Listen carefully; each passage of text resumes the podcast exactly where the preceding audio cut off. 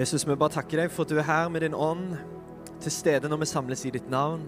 Du er ikke vanskelig å be, men du elsker å være med oss, rundt oss, til og med i oss. Og det er vi takknemlige for denne morgenen her. At vi er ikke forlatt som foreldreløse barn, men eh, du har gitt oss Den hellige ånd. Takk. Og alle sa Amen, som de sier på originalspråket. Så gøy, da. Um, fint å få lov å uh, starte liksom uh, Ja, ja, starte dagen er det vel kanskje ikke. 12.18 er klokka blitt. Men uh, får iallfall uh, henge sammen med Betel Trondheim en dag til. Vi hadde det så fint i går. Og eh, det har jo begynt eh, vakkert òg i dag med å tilbe Jesus sammen. Jeg heter altså Thomas, hvis jeg ikke fikk muligheten til å hilse på deg i går. Um, og jeg eh, er gift, har vært gift i ti år, faktisk. Ja. Det, tusen hjertelig takk for den halvhjerta applausen der. Jeg, eh, Erlend han gir på. Eh, men eh, det har vært veldig fint, det. det vi gifta oss når vi var 12. Nei, kødda. Nei, men vi, vi, vi, gifta oss når vi var 19. Og hadde, da, da, hadde vi allerede vært sammen i fem år. For vi ble sammen da vi var 14 år. Det er jo helt sykt. Eh, på ungdomsskolen. Så til alle ungdommer, ikke gjør det jeg gjorde. Uh, finn en annen vei. det kan ikke anbefales i det hele tatt. Men uh, det gikk greit til slutt. Uh, så det var mitt lille vitnesbyrd fra starten av her. det gikk greit til slutt. Ja, det skal jeg bli. Jeg skal bli pappa nå. Det er jo helt sinnssykt. Helt sinnssykt. Så det passer at overskriften i dag er far og sønn. Så hvis du tar notater, så kan du eh, skrive ned det. Vi skal snakke litt både om å være far og være sønn i dag, faktisk. Så det blir faktisk veldig sterkt. Om ikke for dere, så i hvert fall for meg. Eh, så blir dette en sterk tale. Før vi liksom åpner med, med, noen vers her, så tenkte jeg vi skal bare gjøre en liten sånn samfunnsanalyse her. Og Det er ikke sikkert du har tenkt på det, men, men jeg har i hvert fall tenkt på det. Så jeg deler det deler med dere her. Men det kan være at det er sånn at eh, mennesker ikke først og fremst er tenkende, men først og fremst lengtende. Det kan være det er sånn. Det er bare min lille analyse. Eh, og grunnen til at jeg sier det, det er fordi at jeg ser at folk blir ikke nødvendigvis overbevist av argumenter. De blir overbevist av historier. Derfor så eh, er det jo litt interessant å se da, at man i et samfunn som vårt eh, for Hvis du har levd lenger enn et kvarter, eksempel, så har du merka at uh, det, er et, det er et skifte, liksom. Eller det har iallfall vært et skifte.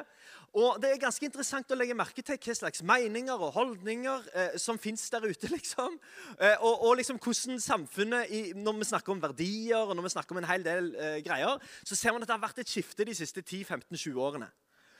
Um, men det som er så interessant, det er ikke det at folk har fått så himla mange gode argumenter for å skifte mening, men det har blitt fortalt himla gode historier. Og det som er så interessant med en historie, det er at en historie trenger ikke være ekte for å være sann. En historie trenger ikke være ekte for å være sann. Fordi at når en historie kom, Det er det som er så nice når du forteller en historie. Eh, eh, fordi at, eh, og Vi kaller det for vitnesbyrder ofte i kristne sammenhenger. sant? Vi forteller vår historie. Når du, når du, hvis, du, hvis, det man holder på med eh, som kristne i verden, er å gi folk argumenter, da kan jo folk bare komme med motargumenter. Men når du kommer med en historie, da kan ikke folk si noen ting. For det er uansett din historie. Og Det er det som gjør historier så himla kraftfulle. Og Det er det som gjør også at vi har sett et skifte, tror jeg. Dette er bare min personlige mening.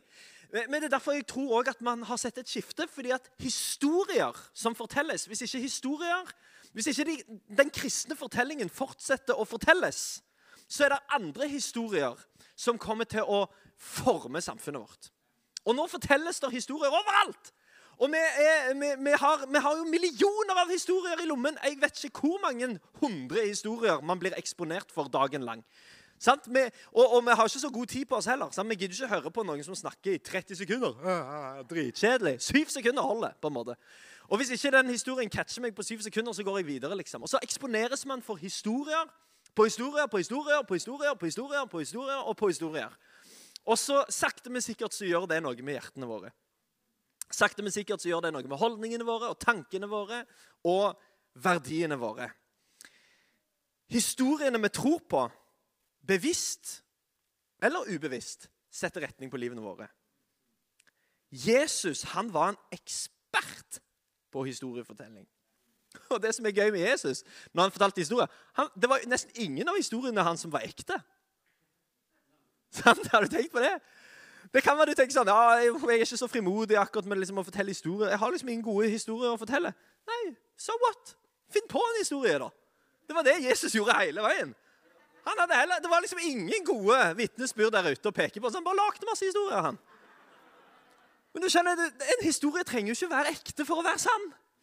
Og Jesus sine historier, selv om de ikke var ekte, så var de sanne. Man kunne bygge livene våre på de historiene. Og vet du hva, det, det tenker jeg, når man diskuterer, Noen er veldig opptatt av å snakke om de elleve første kapitlene i, i, hele Bibelen. altså første Mosebok kapittel 1-11, der du hører om Adam og Eva, og Kain og Abel og Noah og alle disse. Så er det veldig mange som sånn Ja, men var det, virke, var det virkelig syv dager? Var, var, hele verden, Ble hele verden skapt liksom virkelig på syv dager?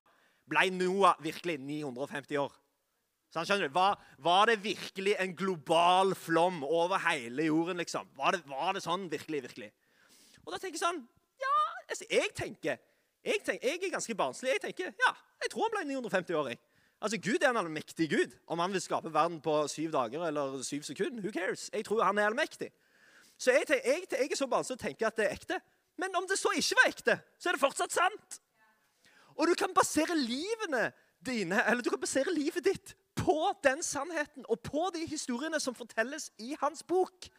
Og det har bevist seg gjennom tusenvis av år at det er mulig. Og det er millioner av vitnesbyrd, milliarder av vitnesbyrd i verden i dag som kan bevise at historiene som Jesus forteller, og som Bibelen forteller, er verdt å basere livet sitt på. Jesus han var en ekspert på historiefortelling. og En av de historiene som er, som er kanskje mest kjent, som Jesus fortalte, eh, den skal vi hoppe litt, eh, hoppe litt, inn i her nå. Eh, det står i Lukas kapittel 15, hvis du har en bibel.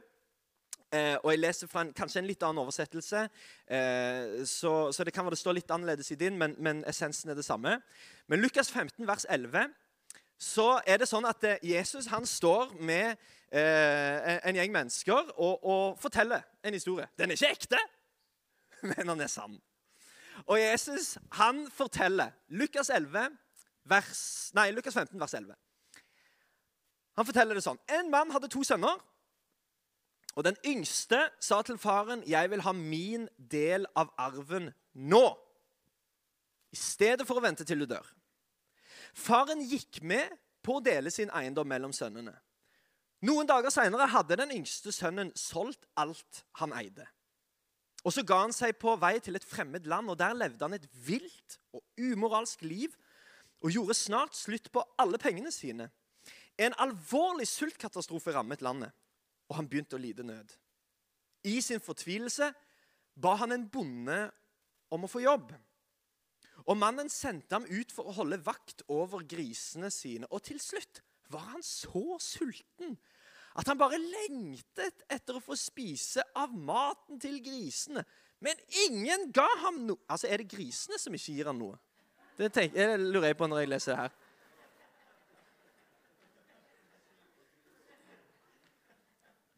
usosiale dyr. Til slutt så var han så sulten han lengtet etter å få spise maten av grisene. Ingen ga noe. Rekk opp hånda hvis du har en sønn. Rekk opp hånda hvis du er en sønn. Rekk opp hånda hvis du kunne ønske du var en sønn. Nei, kødda. Nei. Ok, men Hva er en sønn? Det, det, er på en måte et essensielt spørsmål her. i denne fortellingen. Og Vi snakket litt om det i går. At Hvis vi skal forstå hva Bibelen egentlig snakker om, så må vi òg forstå hva de forsto som hørte det for første gang. Vi kommer aldri til å helt skjønne hva man leser, med mindre man skjønne, skjønte hva de skjønte som hørte det for første gang. Bibelen kan ikke bety noe annet for oss enn det han gjorde for de som hørte på det for første gang. Den kan bety noe for oss, ja, for Bibelen er skrevet for oss, men den er ikke skrevet til oss. Han skrevet til noen helt andre. Og Når Jesus står og forteller denne historien, så fortalte han det til en spesifikk målgruppe. Så vi må skjønne, vi må, Jeg tror vi har mye igjen for å på en måte sette oss litt inn i hva var det de hørte når de hørte dette. Når Jesus bare snakker om en sønn og en far og to sønner og en far og, og liksom all denne dramatikken som foregår, hva var det de hørte?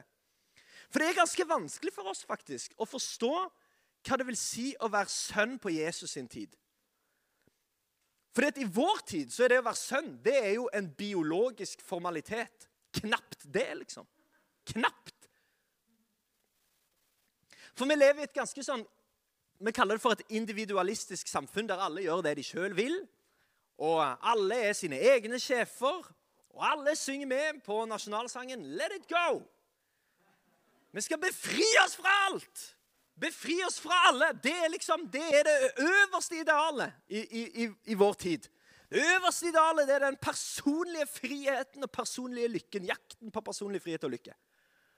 Og alle er veldig, Det som er så sykt opptatt av i vårt samfunn, det er at alle skal tolerere hverandres jakt etter personlig frihet og lykke. Og så tolererer vi ikke hvis ikke du tolererer det. Skjønner du? Det er en veldig rar greie. Men, men der er vi, liksom. sant? Og det er om å gjøre å befri seg fra mennesker. Befri seg fra familie, befri seg fra forpliktelser, befri seg fra sjefer og jobber. Og alle skal gå sin egen vei. Vi er himla opptatt av å gå vår egen vei. Himla opptatt av, av å være seg sjøl. Det er så sinnssykt viktig at du er deg sjøl. Dette er egentlig en sånn ny tanke. Eh, det er, ikke, det er egentlig ikke så himla viktig å være seg sjøl. For det er, hva, ja, men hør da, det er en illusjon å være Ingen klarer å være seg sjøl. Det eneste du kan være, er en versjon av de du ser opp til. Det er det eneste du kan være. Du kan bli en versjon av det du ser opp til. Derfor er det himla viktig. Hva ser du opp til? Dessuten så er kristne, det, Målet med kristen identitet er jo ikke å bli deg sjøl. Det er å bli lik Jesus. så kan, det, den, Dette er en illusjon at du kan bli deg sjøl. Dessuten så er det ingen som ligner mer på hverandre enn de som er opptatt av å være seg sjøl. Har jeg bare jeg lagt merke til. Ja, men sant, så dette er, dette er en slags illusjon. Men vi er veldig opptatt av det i vårt samfunn. Vær deg sjøl! Befri deg fra alt og alle. Og det baserer seg på denne liksom, litt sånn hjørnesteinsløgnen at du blir fri når du lever grenseløst. Da blir du virkelig fri. Og så må befri deg fra moral, befri deg fra disiplin. Men bare en rask tanke på dette. Hvis du befrir deg fra moral, altså du tenker det er ingenting som er, egentlig er sant, Altså Moral er bare menneskeskapt. Det er ingen Gud som bestemmer hva som er godt og ondt. Alt skjer her inne. Hvis du skal befri deg fra den tanken, så blir du slave for noe mye mer uhyggelig. Da blir du slave for tidsånd. For Hvis ikke du tenker det er en Gud som bestemmer hva som er rett og galt, og det er en Gud som har definert hva som er sunt og sant, da er det plutselig opp til deg og hjertet ditt å bestemme det. Og jeg skal si deg en ting. Du har ikke peiling. Kan, altså, folk sier 'følg hjertet ditt'. Skal, det er en livsfarlig øvelse. Hvis jeg skal begynne å følge hjertet mitt liksom, Hjertet mitt har jo ikke peiling på en dritt. Det vil jo, noe, altså vil jo ulike ting annenhver dag. Jeg, det er jo et kjempeustabilt liv. Hvis jeg skal gå rundt sånn og liksom basere det på hva jeg føler til enhver tid. Hjertet er som en løk. Ja, men sant, jo, Hvis du åpner opp en løk, hva finner du da? Mer løk! Så det finnes ikke noe nytt da. Det er noe, det er ikke noe nytt og spennende inni der. Det er akkurat det du mistenkte. Det er jo mer løk. Hvis du graver, hvis du går inn i hjertet ditt, så finner du wow! Svaret på alle livets store spørsmål. Nei, du finner akkurat det du mistenkte. Bare mer av den dritten som du trodde var der. sant? Nå bare snakker jeg sant, hvis, jeg, hvis det er lov. Dessuten så er det sånn, jo, jo, Hvis du holder på en løk lenge nok, så begynner du å grine. Altså akkurat samme greiene. Sant? Hvis du holder på med de greiene der, du blir deprimert. Så, så hvis du befrir deg fra moral og du skal bare følge ditt eget hjerte, så, så vet du, det går egentlig ikke an. Så det man begynner å gjøre da, det er man blir slave for tidsånd. Man ser på hva er det alle andre gjør. For jeg har ikke peiling. Hvis ikke du tror at noe er sant, hvis ikke du tror på, på, moral, så blir det sånn OK, eh, da får jeg bare gjøre det som alle andre gjør. Da Da får jeg bare si det som hun sier, og tenke det som han tenker, og, og, og være sånn som hun er. Og så, bare, liksom, så bare blir jeg med på, på det som TikTok sier er fett nå, liksom. Ok, Hvis du befrir deg fra disiplin, da. Det er ikke så himla viktig å disiplinere seg. Det er ikke så himla viktig å vente med sex til ekteskapet. Ja, det er ikke så himla viktig å, å, å, å, passe på hvor mye jeg spiser. Eller det er ikke så himla viktig å liksom begrense uh, inntaket av ditt eller datt. Man skal ikke ha noen disipliner. Det er viktig å leve ut. For det er jo sånn man lever i dagens samfunn. Du skal leve ut alt det du føler på. Leve ut alt det du... For det er, det er, ingen, det er ingen Gud som liksom kan begrense deg. Det er ingen større mål eller mening med livet. Så da må du bare bli et offer for de lystene som du har. Ok? Hvis du befrir deg fra disiplin, så blir du slave for dopamin. Da er det bare om å gjøre å gjøre det som kroppen sier at du skal gjøre. Når kroppen vil ha mat, så må du søre meg mate den kroppen. Når kroppen vil ha sex, ja, da er det bare å gønne på, liksom. Ja, ok, Du er en slave uten lenker, kanskje, men fortsatt en slave. Det var, ingen som sa, var ingen som snakket sånn som denne sønnen gjør i den historien som man leser her. Jeg vil, jeg vil bryte opp. Jeg vil ikke tilhøre min familie lenger. Det var ingen som snakket om å befri seg sjøl. Det var et sosialt selvmord å gjøre sånt. Tre punkter om hva det vil si å være, Jesus, eh, si å være sønn på Jesus sin tid. Nummer én å være en sønn er å ha en adresse. Hvis du var sønn på Jesus sin tid, så hadde du en adresse. Du tilhørte et sted. Det var ingen på Jesus sin tid som hadde Nav. Du hadde familie. Det var ingen som hadde strømstøtte. Du hadde familie. Det var ingen som hadde Nato. Du hadde familie. Og det er her tragedien til denne sønnen starter. Det er at han sier 'Jeg trenger ingen andre'. Jeg kan jo alt. Jeg vet jo alt. Jeg er jo alt. Første kapittel i enhver tragedie er stolthet. Alle tragedier begynner sånn. At noen sier 'Jeg trenger ingen andre'. 'Jeg kan allerede alt'. 'Jeg vet allerede alt'. 'Jeg er allerede alt'. Han brenner alle broer, kutter av sin kobling med sin far, med sin familie, og sier 'Jeg går min egen vei'. Det første som skjer, er at han mister adressen sin. Plutselig er han hjemløs. Det er det første som skjer. Når han blir opptatt av å finne sin egen vei, liksom å gå sin egen vei, så kutter han av den koblingen han har til det stedet som han tilhører. Så det var sønn, det å ha en adresse. Det andre du kan vite, er at det å være en sønn det handler om å ha adgang. Hvis du var en sønn, så hadde du adgang. Sønner hadde adgangssteder de egentlig ikke hadde.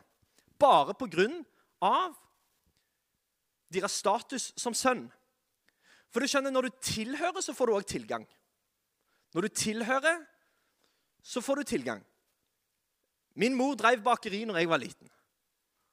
Og Det gjorde at jeg hadde tilgang på det bakeriet. Sant? Jeg, ikke, jeg var jo ikke ansatt der, jeg hadde ikke, ingenting der å gjøre, men bare i kraft av at jeg tilhørte, så hadde jeg tilgang. Så jeg kunne gå inn etter stengetid. Jeg kunne være med og, og hjelpe til på søndager når det var stengt, og liksom rense softismaskinen. Bare ta imot softis med hendene. Kan du tenke deg? Det er merket barn for evigheten, sånne opplevelser som det. Og, og det er ikke rart jeg har blitt som jeg har blitt. Men så jeg har opplevd masse fantastisk der på bakeriet. Sant? Men fordi jeg, hadde, fordi jeg bare, bare, i kraft av at jeg var sønn. Det var, ingen, det var ingenting annet. Det var ingenting på CV-en min som sa at det var en god idé at jeg var på bakeriet der. Sant? Det, var, det var bare i kraft av at, at jeg var sønn av min mor. Så skjønner jeg òg på Jesus sin tid. Det der, og, hvis det er sånn i dag, så var det i hvert fall sånn da. At hvis du var sønn, så hadde du adgang det var ingen som brydde seg om søknader på denne tiden. Det var bare ett spørsmål. Det er ja, men hvem er du sønn til? Det var det, var det eneste spørsmålet. Ja, Du kan si hva du vil, du kan være så smart som bare det, men hør, hvem er du sønn til? Det var det som hadde noe å si. Midt i en katastrofe her så opplever denne sønnen at han mister adresse, men han mister også adgang. Han har ikke adgang noe sted. Det var ingen som ville gi han jobb, sto det. Det var helt umulig. Det var ingen steder han kunne gå inn. Det var ingen plasser han kunne søke tilflukt. Hvorfor det? For han hadde kutta av sin kobling med sin familie og med sin far. Mista adgangen og mista adressen. Det tredje tingen du kan vite om det å være sønn på Jesus' sin tid, er at hvis du var sønn, så hadde du en arv. Adresse, adgang og arv. Å være sønn er å være arving. Og Da snakker vi ikke bare om å liksom arve bestefar sin kikkert eller liksom oldemor sin sølvskei. eller sånne ting. Hvorfor får man egentlig sølvskje? har jeg tenkt mye. Altså, Hva er greia med det? Hva, hva, hva, hva, skal jeg med det? Når, altså, Hva er det for en greie? liksom? Få en sølv... Hvilken fisefin tulling spiser yoghurt med sølv? Det, jeg, jeg, skjønner ikke Er det en fleks, liksom? Jeg forstår ikke hvorfor man skal få den sølvskei. Kanskje bare få penger. Så, men på Jesus' tid, hvis du, var, hvis du var en sønn, så betydde det ikke bare at du arva ting, men du arva en legacy. Du arva eh, noen verdier. Du arva familiens ære. Og som sønn så skulle du ta videre det som familien hadde bygd opp. Jeg vet ikke om du skjønner hvor ille ute han fyren her er, som Jesus forteller om. Ikke bare var han adresseløs. Ikke bare var han uten adgang og uten jobb, men han var uten arv. Han hadde fått arven. Han, det, dette var en god far. Han hadde fått det som tilhørte ham. Men nå hadde han brukt det opp. Han har ingenting igjen. Han har sløst vekk alt. Han kan ikke gå tilbake og få noen ny arv. Det, det, han har fått det han skal få. Hvis du tenker over det, så har han altså mista alt det som definerte han som sønn. Og i jakten på lykke så endte han opp mer ulykkelig enn det han trodde var mulig. I jakten på frihet så endte han opp mer fanga enn det han noen gang hadde vært. Her sitter han altså, da.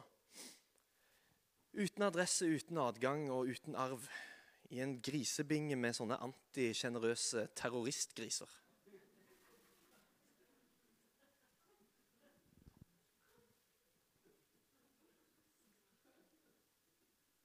Hva gjør han nå, liksom?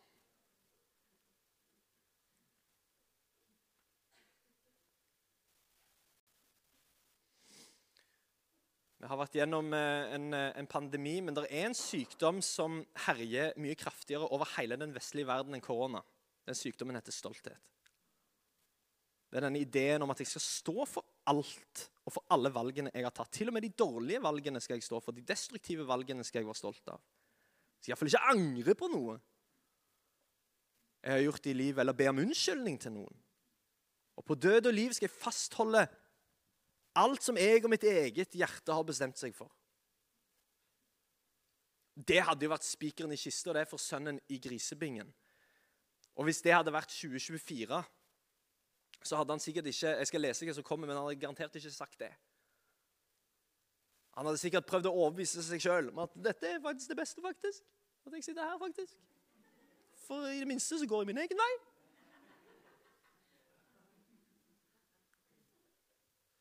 Men heldigvis forteller Jesus historien annerledes. Fra vers 17 så står det endelig innså han hvor dum han hadde vært. Og sa til seg selv hjemme hos far har de ansatte mat i overflod, og her holder jeg på å sulte i hjel.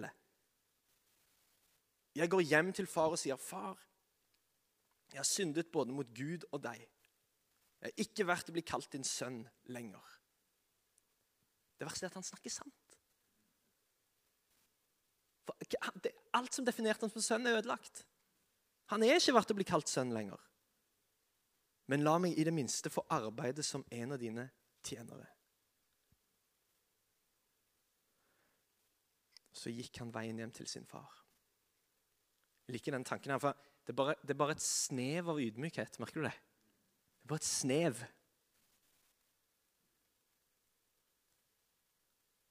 Endelig innså han hvor dum han hadde vært. Åh, det er så kraftfullt. Det er så kraftfullt å angre. Det er bare mennesker som angrer. Dyr angrer ikke. Har du tenkt på det? Ingen dyr som angrer. Det er ingen kuer som er sånn søren òg. Skulle ikke gjort det. Det, mennesker, det er så merkelig å være menneske. Sant? For mennesker er det eneste skapte som ikke vet hvorfor det er skapt. Så alle dyr bare gjør det som de gjør. de. de bare, bare alle, sant? Tyngdeloven bare funker, den. Sant? Eh, tre, tre når de, alt bare gjør det de skal gjøre. Men mennesker er det eneste som er sånn Jeg skjønner ikke meningen med livet. Bare tenk over at vi går til psykolog. bare konseptet, altså Ære være deg som går til psykolog, det er bra. Men bare tenk over konseptet. At vi, at vi trenger hjelp for å være det vi alltid har vært. Det, det, det, taler om noe. At det, mennesker er ikke bare avanserte dyr. Det er, det er, noe mer. Det er noe som er plassert i hvert enkelt menneske. Det er noe av Guds natur som fins i hvert enkelt menneske. Som lengter etter Han. Som gjør at vi aldri kommer til å være helt komfortable i den huden og i den kroppen man har. For man vet at man tilhører en annen verden. Og Enten du er bevisst på det, eller, om du er ubevisst på det, så er det sant. Og vi har alle kjent denne dragningen mot at det er noe mer her. Og Det er så rått at Jesus forteller historien sånn med bare et snev av ydmykhet. Så endelig så innså han hvor dum han hadde vært. Og så angrer han. Det, det, det, er noe av det mest kraftfulle med å være et menneske. Det er at du har muligheten til å angre på ting. Du har muligheten til å ta nye valg. Du har muligheten til å gå andre veier. Du må ikke, du må, det er ikke instinktet, eller du, du, du er ikke, du ikke begrensa av den veien du har begynt på. Du kan når som helst snu og gå en annen vei. Og det er noen som gjør omvendelse til et sånn himla komplisert konsept. En sånn tilstand av selvpining og det ene og det andre. Men det er veldig enkelt. Det er ingenting som er mer enkelt enn omvendelse. Det er ingenting som er mer naturlig enn omvendelse. Omvend jeg skal demonstrere det. Nå går jeg denne veien. Nå går jeg denne veien. Det er ikke veldig komplisert. Det som, er, også er interessant med omvendelse, det er at omvendelse Vi snakker ofte så liksom sånn Ja, jeg var liksom Jeg brukte narkotika! og så nå, Men det trenger ikke være så alvorlig heller. Omvendelse trenger ikke alltid være 180 grader. Det kan være 10 grader. det. For Hvis du bare går 10 grader feil, så er du fortsatt helt på jordet. Men omvendelse kan bare være sånn til sånn. Jeg, så jeg, jeg, så her, jeg trodde dette var det som var sant, jeg trodde det var dette var det som var rett, jeg trodde det var dette som ville gi meg lykke, mening og tilfredshet. Men det var faktisk dette. Det var her jeg var meint å se. Det var hans øyne var meint å gå mot. Endelig så innså han hvor dum han hadde vært. Og så begynner han å tenke med seg sjøl. Ah, tjenerne har det jo bedre. Hvis jeg bare kan være en tjener i huset, så er det godt nok for meg. La meg arbeide som en tjener, som en ansatt, som en slave vers 20. Mens sønnen ennå var langt borte, så så faren ham og ble fylt av kjærlighet og medfølelse. Og han sprang imot sønnen sin, kastet seg om halsen på han og kysset ham. Sønnen utbrøt, 'Far, jeg har syndet både mot Gud og deg.' 'Jeg er ikke lenger verdt å bli kalt din sønn.'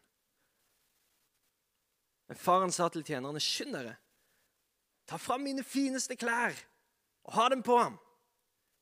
Sett en ring på fingeren hans og sko på føttene. Hent gjøkalven og slakt den. For nå skal vi spise og ha en kjempefest. Sønnen min var død, men har blitt levende igjen. Han var tapt, men har kommet tilbake til meg igjen. Så begynte festen og gleden. Kan du se det for deg? Fullt av kjærlighet og medfølelse. Han er ikke dømmende eller ironisk. Ja, der kom han.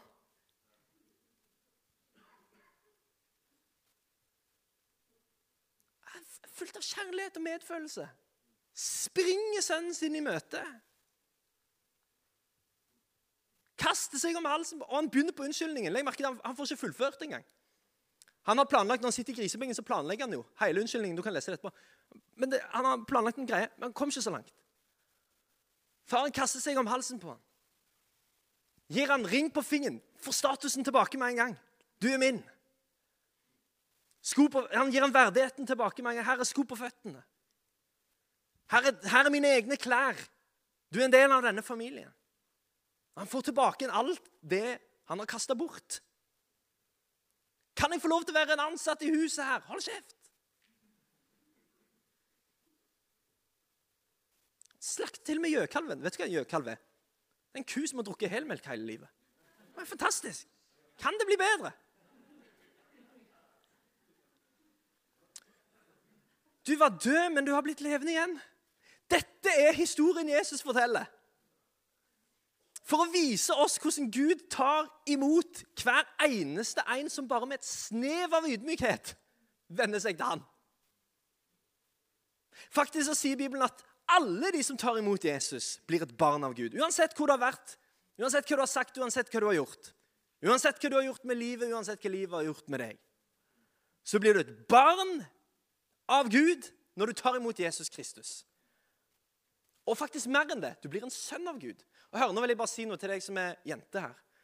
For På Jesus' sin tid så var det sånn at den eldste sønnen fikk mest, den, de yngre fikk litt mindre, og jentene fikk ingenting. Men det er dette som gjør denne historien så insane. For du skjønner at dette er ikke en, er ikke en ekte historie, men han er, han er, sann. Fordi at Han snakker ikke bare om sønner, men han snakker også om døtre. Og at vi alle sammen blir arvinger i hans rike. La ingen lure deg til å tro at du fortjener mindre, eller at Gud har en dårligere plan for deg fordi du er jente. For alle som tar imot Jesus, er arvinger. Du er like mye sett, like mye ønska, like mye verdt og har like stor arv som en sønn. Fordi du er et barn av Gud. Hans vilje for oss er at vi skal være som sønner og døtre, og at vi skal få lov til å komme tilbake igjen til huset, hjem til vår far.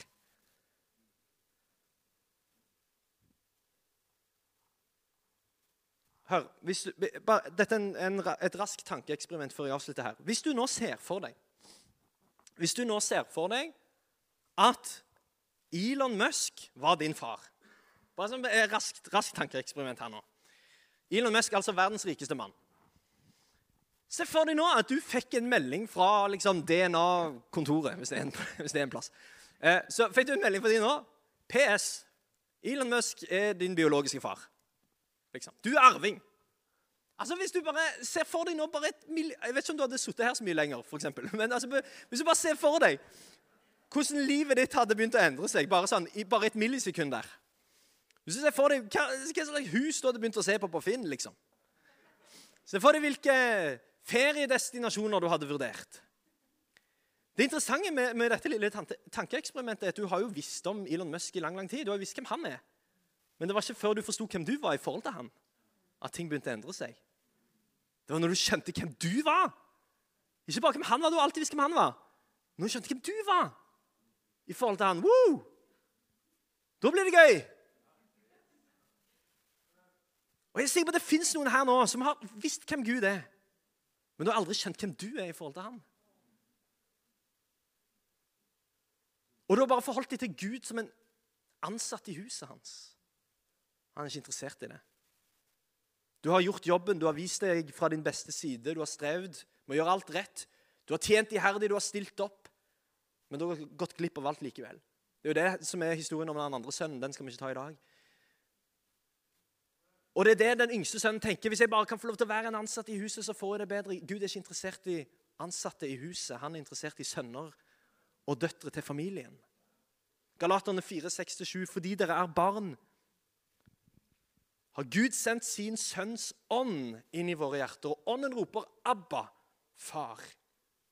Derfor er du ikke lenger slave, men sønn. Og er du sønn, er du også arving innsatt av Gud. Tilhører du Jesus, så er du ikke slave, du er sønn. Du har adresse hos han, du har adgang hos han, og det er en arv fra han til deg som venter på deg. Jeg skal avslutte med synge til slutt her, tenker jeg. Du kan bare gjøre deg klar.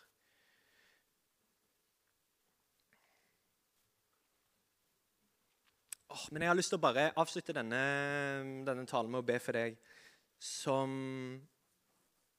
for some reason har forholdt deg til Gud som en ansatt. Du har tenkt at hvis jeg bare stiller opp, hvis jeg bare fortsetter å tjene, hvis jeg bare fortsetter å være snill og grei, hvis jeg bare fortsetter å be om tilgivelse for hver minste ting, så kanskje han vil godta meg. Men, men det er ikke sånn det funker når du er familie. Du, kanskje så er du der at du er livredd for å gjøre, gjøre eh, Gud irritert eller gjøre Gud sint. Du er redd for å gjøre feil og at du skal miste din status hos ham. Men du, du, du slutter ikke å være sønn bare fordi du gjør noe dumt. Sant? Du er fortsatt sønn. For det er blodet. Det er blodet som definerer. Det er det samme blodet.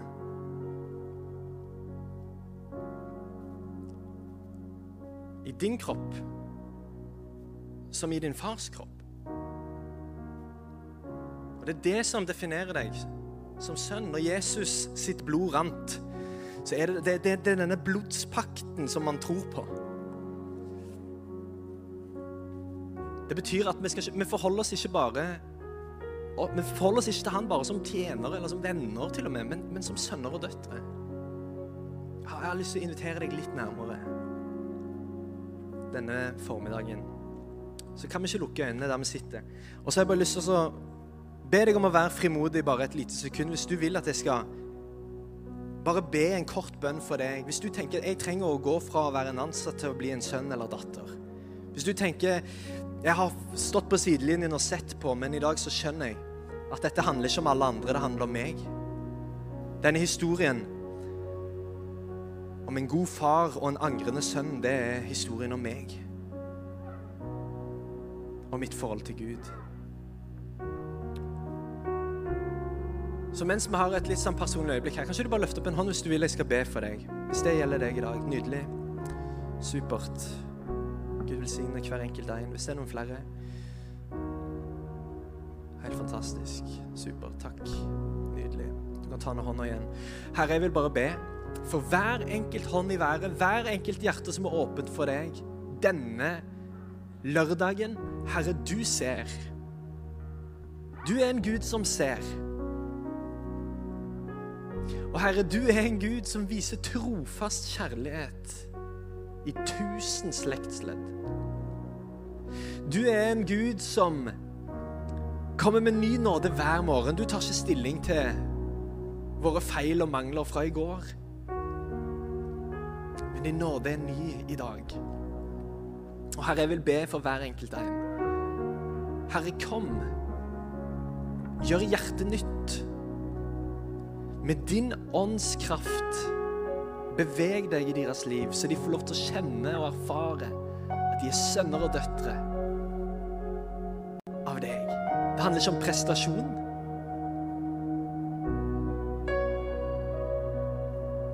Det handler ikke om hva vi kan gjøre for deg. Men det handler om hva du har gjort for oss. Det er vårt fundament. Det er vår tro. Å Gud, må du bare komme med denne dype tilfredsstillelsen. Bygge denne grunnmuren.